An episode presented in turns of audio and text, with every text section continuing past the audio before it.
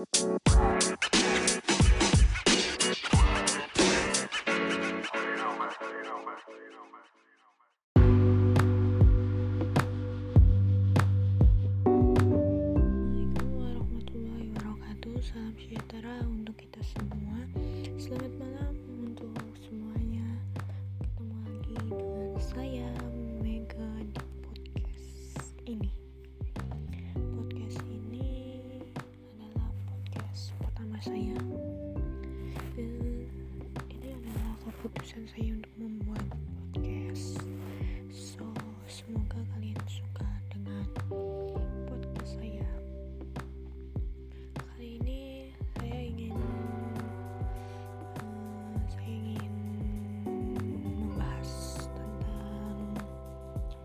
apa sih enaknya jadi anak broken broken home dan juga apa sih nggak enaknya gitu Eh, oke eh, enaknya itu enaknya kita bisa jadi anak broken home itu karena eh, kita eh, bisa lebih dewasa dalam berpikir maupun bertindak.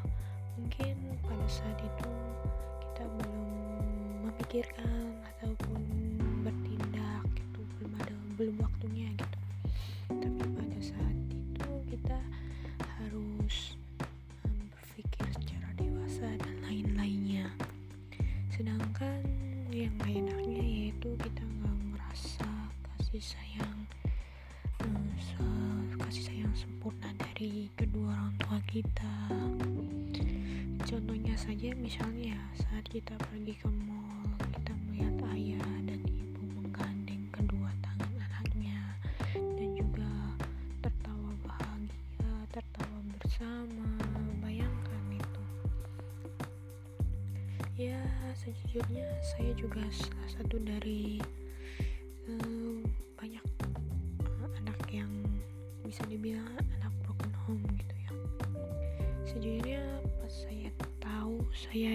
ini adalah anak broken home itu eh, saya bersyukur bersyukurnya itu karena saya dilahirkan dengan dengan pengalaman yang sangat banyak di kehidupan saya.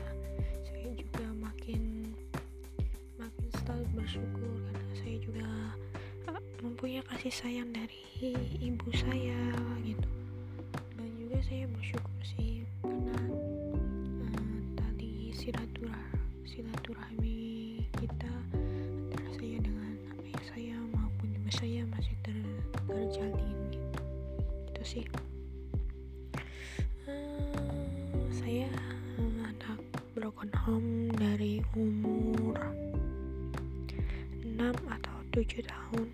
Pas itu saya masih TK sih. So itu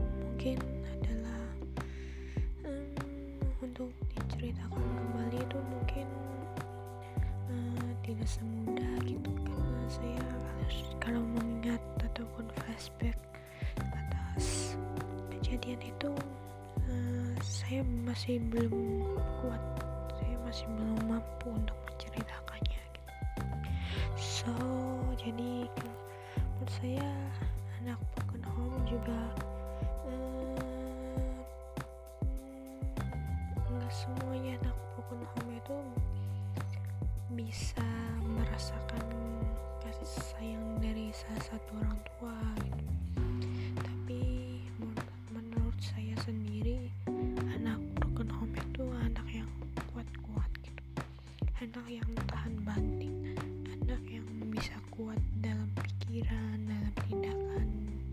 khususnya dalam perasaan.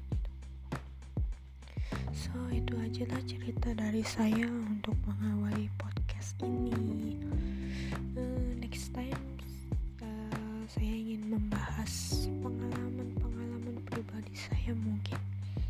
Eh, ataupun tentang lainnya yang nanti saya bakal share ke kalian semua so thank you untuk waktunya Hmm, semoga kalian bisa menikmati podcast ini dan juga bisa mengambil hikmahnya next pro next podcast saya akan bisa membuat podcast yang lebih baik lagi dan lebih kreatif.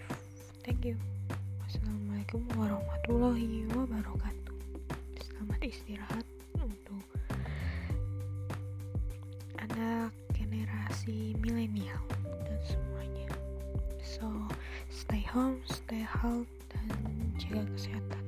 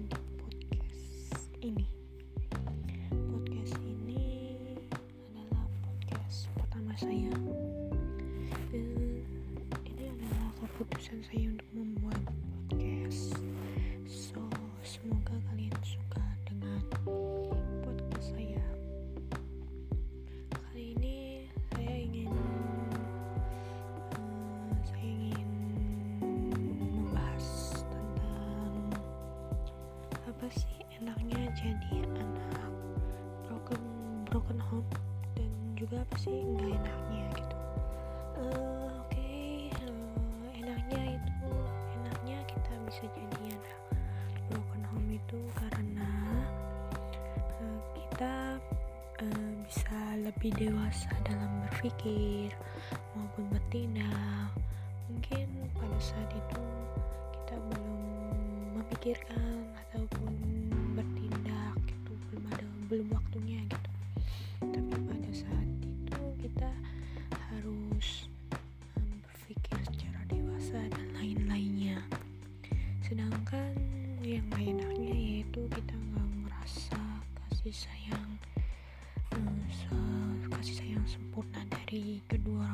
kita.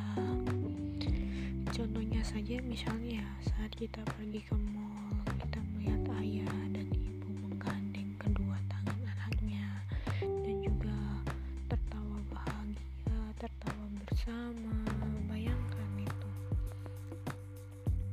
Ya sejujurnya saya juga salah satu dari eh, banyak anak yang bisa dibilang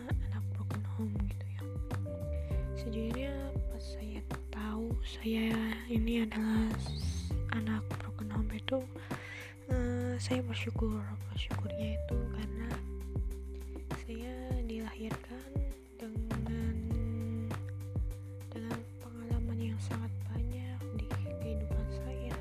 Saya juga makin makin selalu bersyukur karena saya juga eh, mempunyai kasih sayang dari ibu saya gitu. Dan juga saya bersyukur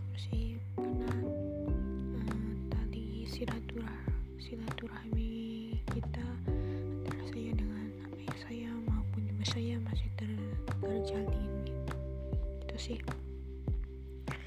Eh, saya anak broken home dari umur 6 atau 7 tahun. Pas itu saya masih TK sih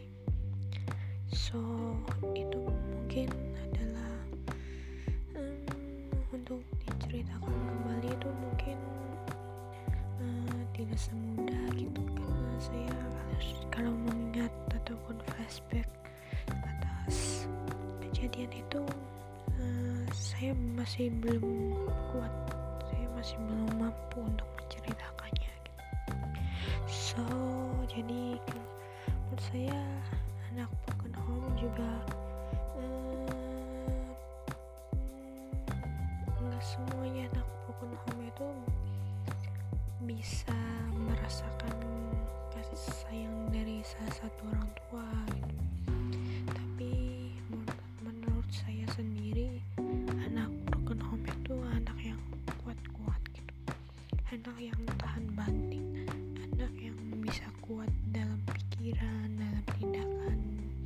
khususnya dalam perasaan so itu aja lah cerita dari saya untuk mengawali podcast ini. Eh, next time eh, saya ingin membahas pengalaman-pengalaman pribadi saya mungkin. Uh, ataupun tentang lainnya yang nanti saya bakal share ke kalian semua. So thank you untuk waktunya. Hmm, semoga kalian bisa menikmati podcast ini dan juga bisa mengambil hikmahnya. Next pro next podcast saya akan bisa membuat podcast yang lebih baik lagi dan lebih kreatif. Thank you. Wassalamualaikum warahmatullahi wabarakatuh. Selamat istirahat untuk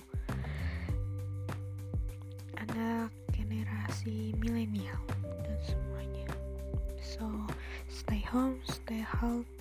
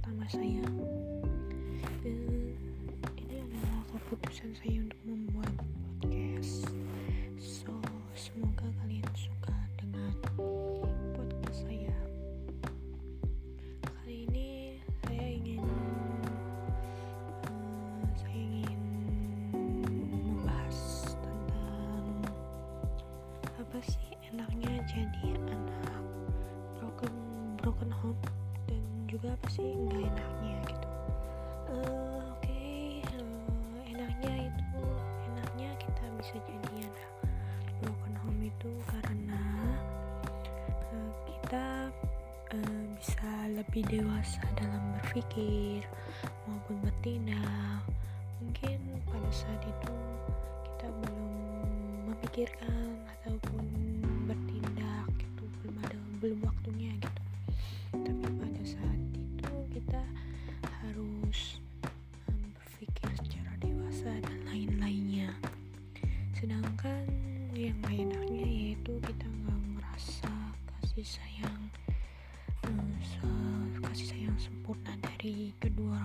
kita.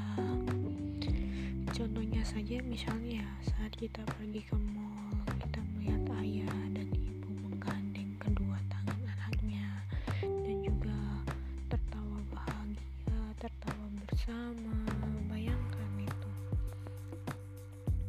Ya sejujurnya saya juga salah satu dari uh, banyak anak yang bisa dibilang saya ini adalah anak broken home itu uh, saya bersyukur bersyukurnya itu karena saya dilahirkan dengan dengan pengalaman yang sangat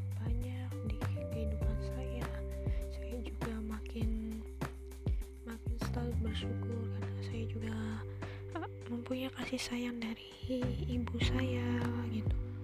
Dan juga saya bersyukur silaturahmi kita antara saya dengan ayah saya maupun ibu saya masih ter, terjalin gitu. Itu sih. Uh, saya anak broken home dari umur 6 atau 7 tahun. Pas itu saya masih TK sih. So itu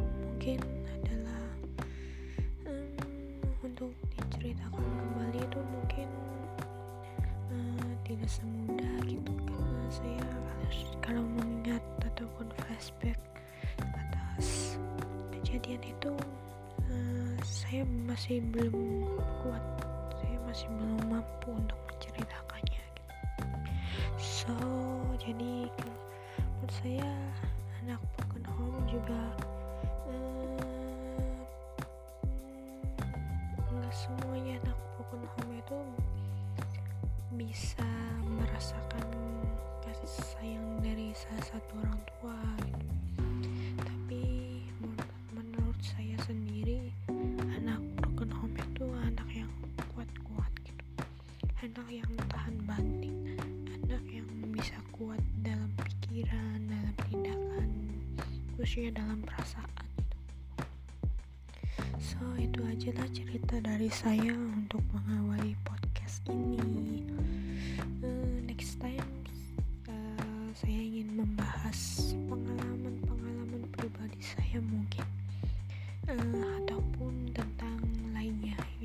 saya bakal share ke kalian semua. So thank you untuk waktunya. Hmm, semoga kalian bisa menikmati podcast ini dan juga bisa mengambil hikmahnya. Next pro next podcast saya akan bisa membuat podcast yang lebih baik lagi dan lebih kreatif. Thank you. Wassalamualaikum warahmatullahi wabarakatuh. Selamat istirahat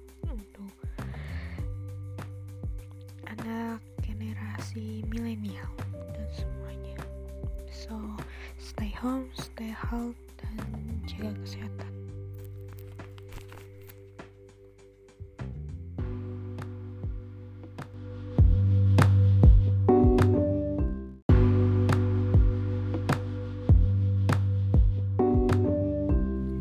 Assalamualaikum warahmatullahi wabarakatuh. Salam sejahtera untuk kita semua. Om Swastiastu, Namo Buddhaya, salam kebajikan untuk kita semua. Selamat malam untuk semuanya, kembali lagi bersama saya Mega di podcast uh, podcast saya. Ini adalah episode yang kedua yang saya bikin. Kali ini saya akan membahas podcast saya tentang gagal dan kecewa. Hmm, saya mungkin saya akan membahas tentang perjalanan pendidikan saya ya. Saya pernah gagal, saya pernah kecewa dalam pendidikan saya. Saya sebelum duduk di sebelum saya menjadi mahasiswa, saya bersekolah di SMA salah satu SMA di kota atau kabupaten di tempat kelahiran saya saat ini so dari kelas 10 itu saya sudah mempunyai cita-cita bahwa saya ingin ingin bisa menjadi PNS nah, contohnya saya ingin ingin masuk ke perguruan tinggi kedinasan itu salah satunya STAN terus tapi pas kelas 10 itu saya aktif dalam berorganisasi. Nanti kita bahas di podcast selanjutnya di kelas 10 saya itu uh, tidak terlalu aktif-aktif banget. Atau apalagi caper sama guru. Kelas 10 saya jalani dengan dengan sesuai jalur yang saya minta yaitu saya masuk ke jurusan IPA saya harus bertemu dengan fisika kimia dan biologi matematika MIPA matematika wajib. Akhirnya saya hmm, naik kelas kelas 11 saya masih aktif dalam organisasi.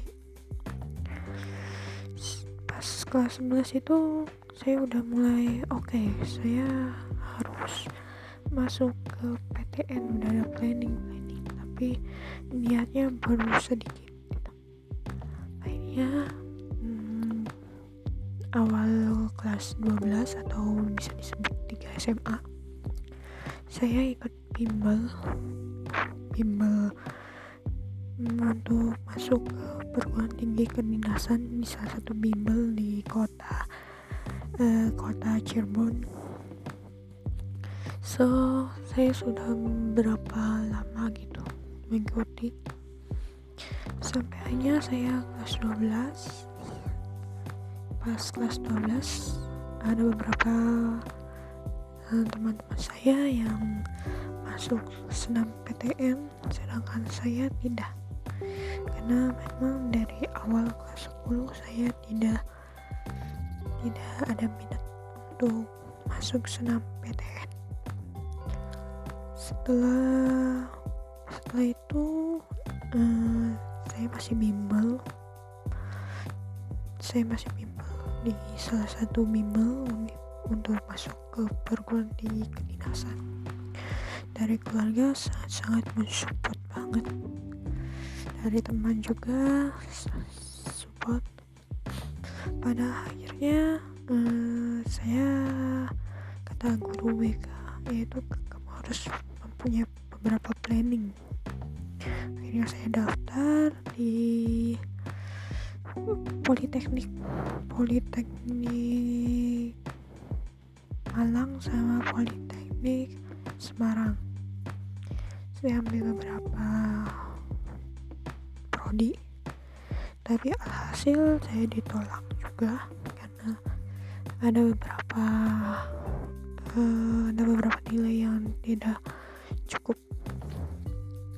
So akhirnya pada bulan puasa pada saat itu saya sedang sedang sahur. Dan pas lihat di grup WhatsApp itu ada berita bahwa hmm,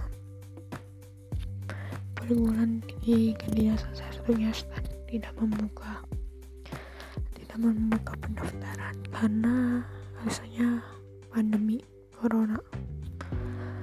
Uh, saat itu saya begitu kecewa.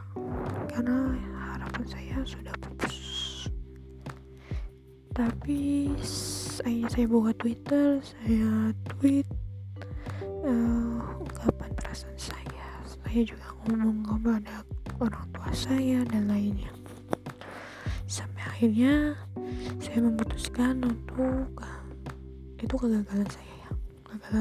saya nggak bisa masuk ke perguruan tinggi kedinasan pada tahun 2020 akhirnya pada beberapa bulan lagi kan semua siswa SMA harus mengikuti SBMPTN akhirnya saya mengikuti SBMPTN dan saya memilih untuk tes di Unpad Bandung dalam persiapan itu saya hanya persiapannya itu hanya 4 bulan atau 5 bulan. Saya benar-benar fokus banget. Karena saya nggak mau kegagalan di SPM uh, eh, untuk keluarga sendiri sangat support banget. Saya pas tes itu ditemani oleh temen ibu saya ibu saya teman ibu saya dan saya empat orang kita di Bandung itu selama empat hari lima malam. So saya uh, selalu berdoa agar saya diterima di salah satu PTN yang saya inginkan. Salah satu PTN yang saya inginkan yaitu di di salah satu keinginan saya yaitu di Unsud itu pilihan pertama di Unsud dan pilihan kedua di Unbrau Brawijaya tapi akhirnya saya udah tes udah melakukan tes SBMPTN saya juga nunggu hasilnya dua, dua minggu. Pas dilihat hasilnya saya tidak mendapatkan warna hijau tapi warna merah. Di situ saya nangis. Nangisnya bukan karena apa-apa. Tapi saya sudah mengecewakan orang tua saya khususnya ibu saya akhirnya saya pas itu nangis. Dan saya langsung minta maaf sama ibu saya. Karena belum bisa belum bisa menghasilkan yang maksimal. Hanya ibu saya ngomong mungkin belum rezekinya mungkin belum jalannya. So akhirnya saya bangkit lagi. Saya juga daftar di ujian mandiri di salah satu uh, perguruan tinggi negeri yang ada di Jakarta maupun yang ada di beberapa kota gitu. Tapi hasilnya masih kecewa yaitu hasilnya saya tidak bisa berhasil di tahun 2020 ini. Um, pas itu rasanya kecewa banget sih karena saya saya udah mempunyai planning bahwa saya ingin merantau bahwa saya ingin bisa mengembangkan sayap saya saya ingin banyak banyak sih banyak banyak sekali yang ingin saya ingin lakukan jika saya ke perguruan tinggi negeri. Tapi mungkin belum berezekinya dan akhirnya dan mungkin Allah Subhanahu Wa Taala juga memberikan jalan yang terbaik. Akhirnya saya disarankan untuk guru BK di salah satu perguruan tinggi swasta di dekat tempat kelahiran saya ini. Uh, dan juga orang tua saya mendukung juga keputusan saya. Uh, keputusan saya yaitu saya berkuliah di Universitas Swadaya Gunung Jati. Baru masuk dan sekarang saya menginjak baru semester 1 awal. Uh, Alhamdulillah udah uas tinggal nunggu hasil uas UTS dan nilai IP saya semoga memuaskan uh, di perguruan tinggi swasta yang saya pilih ini saya merasa nyaman. Saya merasa nyaman karena pertama saya nggak terlalu jauh dengan tempat kelahiran saya. Yang kedua uh, juga uh, PTS yang saya pilih adalah PTS yang terbaik gitu. Yang ketiga saya bisa menyalakan organisasi-organisasi dan diterima oleh kakak tingkat yang baik-baik. Gitu. itu sih jadi menurut saya di setiap kegagalan itu pasti ada kesuksesan yang menanti. Pasti ada jalannya untuk menuju kesuksesan gitu. Walaupun mungkin di awal-awal berat banget ya untuk menjalaninya. Dan di tahun 2021 ini saya ditawarin untuk mengikuti PTK lagi tetapi saya udah nyaman di perguruan tinggi swasta yang saya pilih ini karena saya udah mempunyai keluarga baru. Saya juga udah dekat dengan para dosen dan lain-lainnya. So buat kalian semua pejuang senam PTN, SBMPTN, perguruan tinggi kedinasan lainnya saya cuma berpesan uh, untuk senam PTN jangan terlalu jangan terlalu fokus ke senam PTN harus persiapkan SBMPTN dan pilihlah PTN yang menurut kalian kalian itu inginkan yang pertama itu yang yang kalian prioritaskan. Yang kedua yang prioritas atau pilihan dari seluruh seluruh siswa itu paling dikit lah. Tapi enggak menutup kemungkinan juga ya ini mah pilih pilihlah yang terbaik yang dari hati kalian yang kalian mampu gitu. Jika misalnya kalian anak orang yang mampu coba kalian untuk ikut ujian mandiri karena beberapa teman saya juga uh, keterima di ujian mandiri gitu. Yang ketiga pilih pilih PTS itu yang paling penting. Kalian harus pilih PTS yang terbaik cadangan. Buat cadangan kalian. Kalau kalian nggak mau gap tapi menurut aku lebih baik kalian nggak gap karena menurut aku kalau gap itu nunda satu tahun itu pasti nantinya itu malas jadinya malas dan juga boring di rumah.